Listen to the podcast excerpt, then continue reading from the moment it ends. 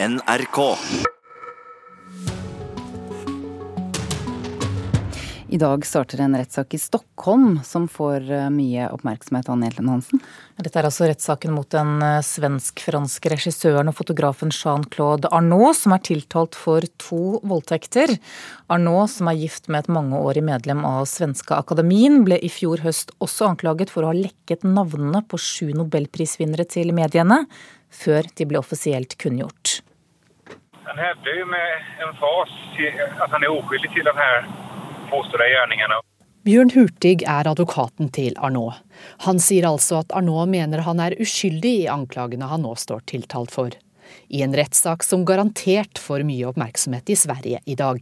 Skandale og krise er to ord som går igjen når mediene skal beskrive historien rundt kulturprofilen Jean-Claude Arnault. Etter at alvorlige anklager mot den svensk-franske regissøren og fotografen kom fram under metoo-kampanjen, står han nå tiltalt for to tilfeller av voldtekt. Det var statsadvokat Christina Voigt som opplyste i en pressemelding i sommer at det var tatt ut tiltale for to tilfeller av voldtekt. Begge angivelig begått i Stockholm i 2011. Den ene skal ha vært en såkalt sovevoldtekt. Jeg syns at jeg har tilrekkelig bra bevis til å vekke åtale, helt enkelt. Min vurdering er at bevismaterialet er tilstrekkelig for tiltale, sa Voigt. Etterforskningen av Arnault har pågått siden desember. I fjor høst anklaget minst 18 kvinner 71-åringen for seksuell trakassering og overgrep, samt for å ha lekket navnet på sju nobelprisvinnere til pressen før det ble offisielt kunngjort. Saken utløste en krise i Svenske Akademien. Kulturinstitusjon som er regnet som en av Sveriges viktigste, og ble grunnlagt i 1789. Og det er 18 medlemmer derfra som hvert år velger ut hvem som skal tildeles Nobels litteraturpris. Arnault er gift med det tidligere svenske akademien-medlemmet Katarina Frostenson og driver et kultursenter som har fått pengestøtte fra akademien. Anklagene mot Arnault resulterte i et opprør blant medlemmene i svenske akademien, og i begynnelsen av april trakk tre av dem seg. Noen dager senere trakk også Arnaults kone seg, og det samme gjorde akademiens faste sekretær. Siden har også forfatteren Sara Stridsberg gjort det samme. 20. april overlot Akademien en intern granskingsrapport utført av advokater på bestilling fra institusjonen til svensk Økokrim. To uker senere opplyser Akademien at det ikke vil bli utdelt noen nobelpris i litteratur i år. Arnault nekter straffskyld. Syv vitner er kalt inn, og det er satt av fire dager til saken i retten. Og intervjustrekkene vi hørte i dette innslaget, de var fra svensk TV4. Reporter her, det var Anja Strønen. Vi skal videre til Danmark, for det blir store forandringer i Danmarks Radio fremover. Den danske allmennkringkasteren må spare 538 millioner kroner årlig de neste årene. Om lag 400 stillinger, eller 15% av staben i mediehuset skal fjernes. Og bakgrunnen for innsparingene er en femårig medieavtale som ble inngått mellom den danske regjeringen og Dansk Folkeparti i sommer. Kuttene innebærer at det blir mindre sport underholdning, livsstil og utenlandsk drama, mens orkester, kor, TV-drama og innhold til barn samt dokumentarområdet skal vernes. Det betyr også at antall TV- og radiokanaler reduseres, og forliket legger også rammer for hvor mye stoff og hvilken kvalitet reportasjene på nettsidene til Danmarks Radio skal ha. Leder i Norsk Journalistlag, Hege Irén Fransen, god morgen. God morgen. Hvordan reagerer du på det som skjer i Danmarks Radio? Det er dramatisk når eh, så mange som 400 journalister eh, skal ut av Danmarks Radio eh, og ikke erstattes. Det betyr jo 400 færre journalister til å gjøre den jobben som journalistene skal gjøre på vegne av det danske folk. Det journalistenes oppgave er jo å sørge for at det danske folk får informasjon om hva som skjer i samfunnet sitt, slik at de kan delta i demokratiet. Og når du fjerner 400 av de journalistene, så får det konsekvenser. Ja, hvilke konsekvenser får dette for tilbudet til publikum? Altså, det er jo først og fremst publikum som, eh, som, blir lidende her, for det blir jo mindre journalistikk av dette. Det tror jeg vi alle sammen kan være helt uh, sikre på. Og så har jo Danmarks Radio selv lagt ut en liste over hvilke tilbud som de uh, slutter med uh, i en overgangsperiode, og, og, faktisk på helt vis slutter med. Um, og så er det jo sånn at det som vi syns er alvorlig, er jo politikernes innblanding i det som heter redaksjonell frihet, altså redaktørens rett til å bestemme hvordan og hva slags innhold som skal være i danske, danske medier. For her har jo politikerne gått inn, og f.eks. For, for danske radio sine nettsider så har man bestemt at man ikke ikke skal, altså man skal avholde seg for lange og dyptgående artikler, som det heter i public service-kontrakten. Og Det betyr at dersom Danmarks Radio skulle mene at de ville gi et tilbud til publikum med en lang eller en dyptgående artikkel, så har de altså ikke anledning til det, fordi politikerne har bestemt det. Og Det er en ganske alvorlig inngripen i det som er redaktørens frihet, rett og slett. Samtidig så blir de vel tvunget til å prioritere også. Det er vel ikke gitt at Danmarks Radio skal være størst på alle stoffområder? Nei, det trenger det ikke være. og det, allmennkringkaster vil kunne være størst i et land, sånn som f.eks. NRK er i, i, Norge.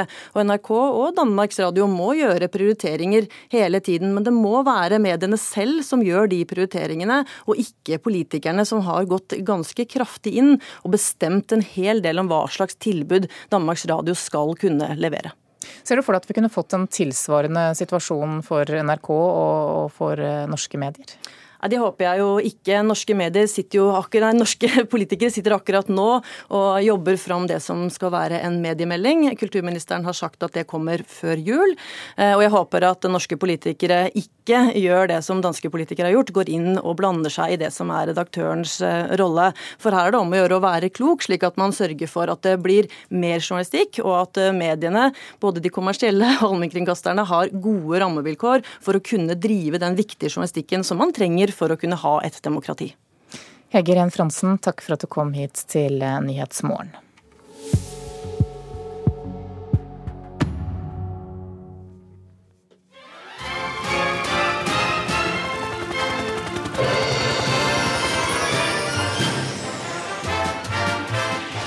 Ja, det vi hører her, er kjenningsmelodien til TV-realityserien Svenske Hollywood-fruer. Og nå er det altså sånn at en av disse kjente fruene må åpne lommeboken sin, kulturreporter Linda Marie Fedler. Det er den svenske Hollywood-fruen Gunilla Persson det her er snakk om. Hun er nå dømt til å betale 377 000 svenske kroner til Forsikringskassan, som er, som er, den statlige myndigheten i Sverige, og det for grovt bedrageri. Og I løpet av flere år skal TV-stjernen feilaktig ha mottatt flere hundre tusen kroner i form av barnetrygd, foreldrepenger og sykepenger. Hun skal ha oppgitt eh, uriktig informasjon om sin bosituasjon og arbeid i Sverige, og Trygdekassen, og derfor fått over 300 000 kroner feilaktig utbetalt. Person som står eh, bak TV-seriens kanskje fleste nyhetsoverskrifter, sier at hun nekter å betale tilbake de pengene. Vi skal fortsette i Hollywood-universet. Det skal dreie seg om eh, film nå.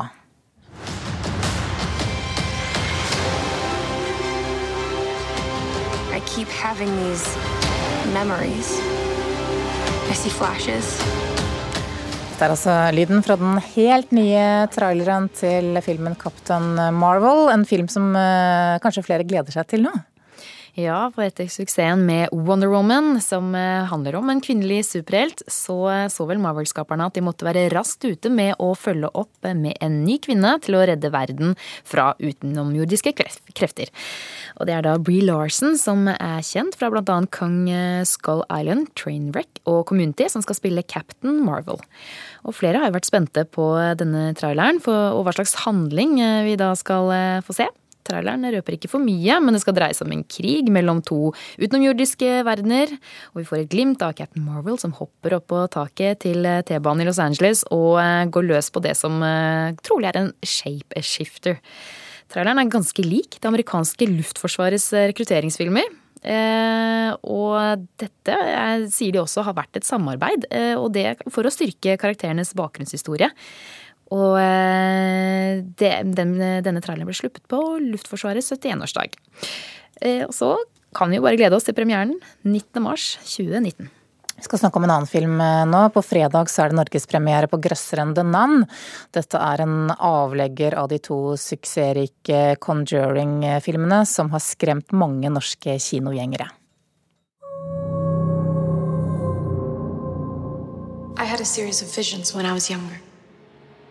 And after each one ended, the same thought would be stuck in my head. Grøssere med religiøse undertoner fortsetter å pirre kinopublikums nysgjerrighet.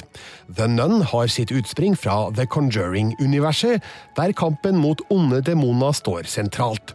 Den skumle nonna Wallach var en sentral figur i The Conjuring 2 fra 2016, og får altså nå være antagonisten i sin egen film. Regissør Corin Hardy, kjent for The Hallow, holder seg tett til sjangerens velkjente smørbrødliste over hva som må med av mørk tematikk og skremmende hendelser, og lite vil komme overraskende på den som har sett en del slike filmer tidligere. The Nun er langt ifra nyskapende. Historien er basert på noen ganske tullete ideer som lett kan avfeies som tøys, men The Nun er òg kompetent filma, med en stemningsfull atmosfære, effektiv scenografi og godt skuespill i de viktigste rollene. Det her føles som en grøsser av den gamle skolen, og er akkurat god nok til å spre litt uhygge i mørke kinosaler. We're here to investigate the death of a nun. The Abbey has a long history. Not all good. Historien foregår i 1952, altså noen tiår før hendelsene i The Conjuring. En nonne tar sitt eget liv i et avsidesliggende kloster i Romania. Vatikanet sender fader Anthony Burke, spilt av Demian Bishir, og søster Irene, spilt av Taisa Farmiga, for å undersøke saken. De får hjelp av Frenchy, spilt av Jonas Bloquet, en fransk-canadier som har slått seg til i landsbyen like ved klosteret. Det viser seg at skumle krefter skjuler seg i klosterets indre, nemlig demonen Wallach, spilt av Bonnie Arons, som manifesterer seg i form av en nonne med et ytterst forstyrrende utseende.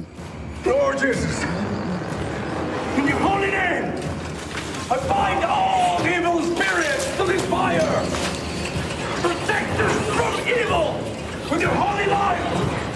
The Nun føyer seg altså inn i en lang rekke filmer om den katolske kirkens kamp mot demoner. Historiefortellinga kan virke å være inspirert av 1970-tallets Hammer-filmer, men har ikke samme tyngde og kvalitet sammenligna med klassikere som Eksorsisten og The Omen. Likevel greier The Nun å være en grei grøsser med en god dose gørr og guffe. Det her er en ganske vellaga høstskremmer. We need to pray. No. And whatever happens, whatever you may see or hear, keep your eyes forward and don't stop praying. Terningkast fire. Ja, filmen 'The Nun' ble anmeldt av vår filmkritiker Birger Bestmo.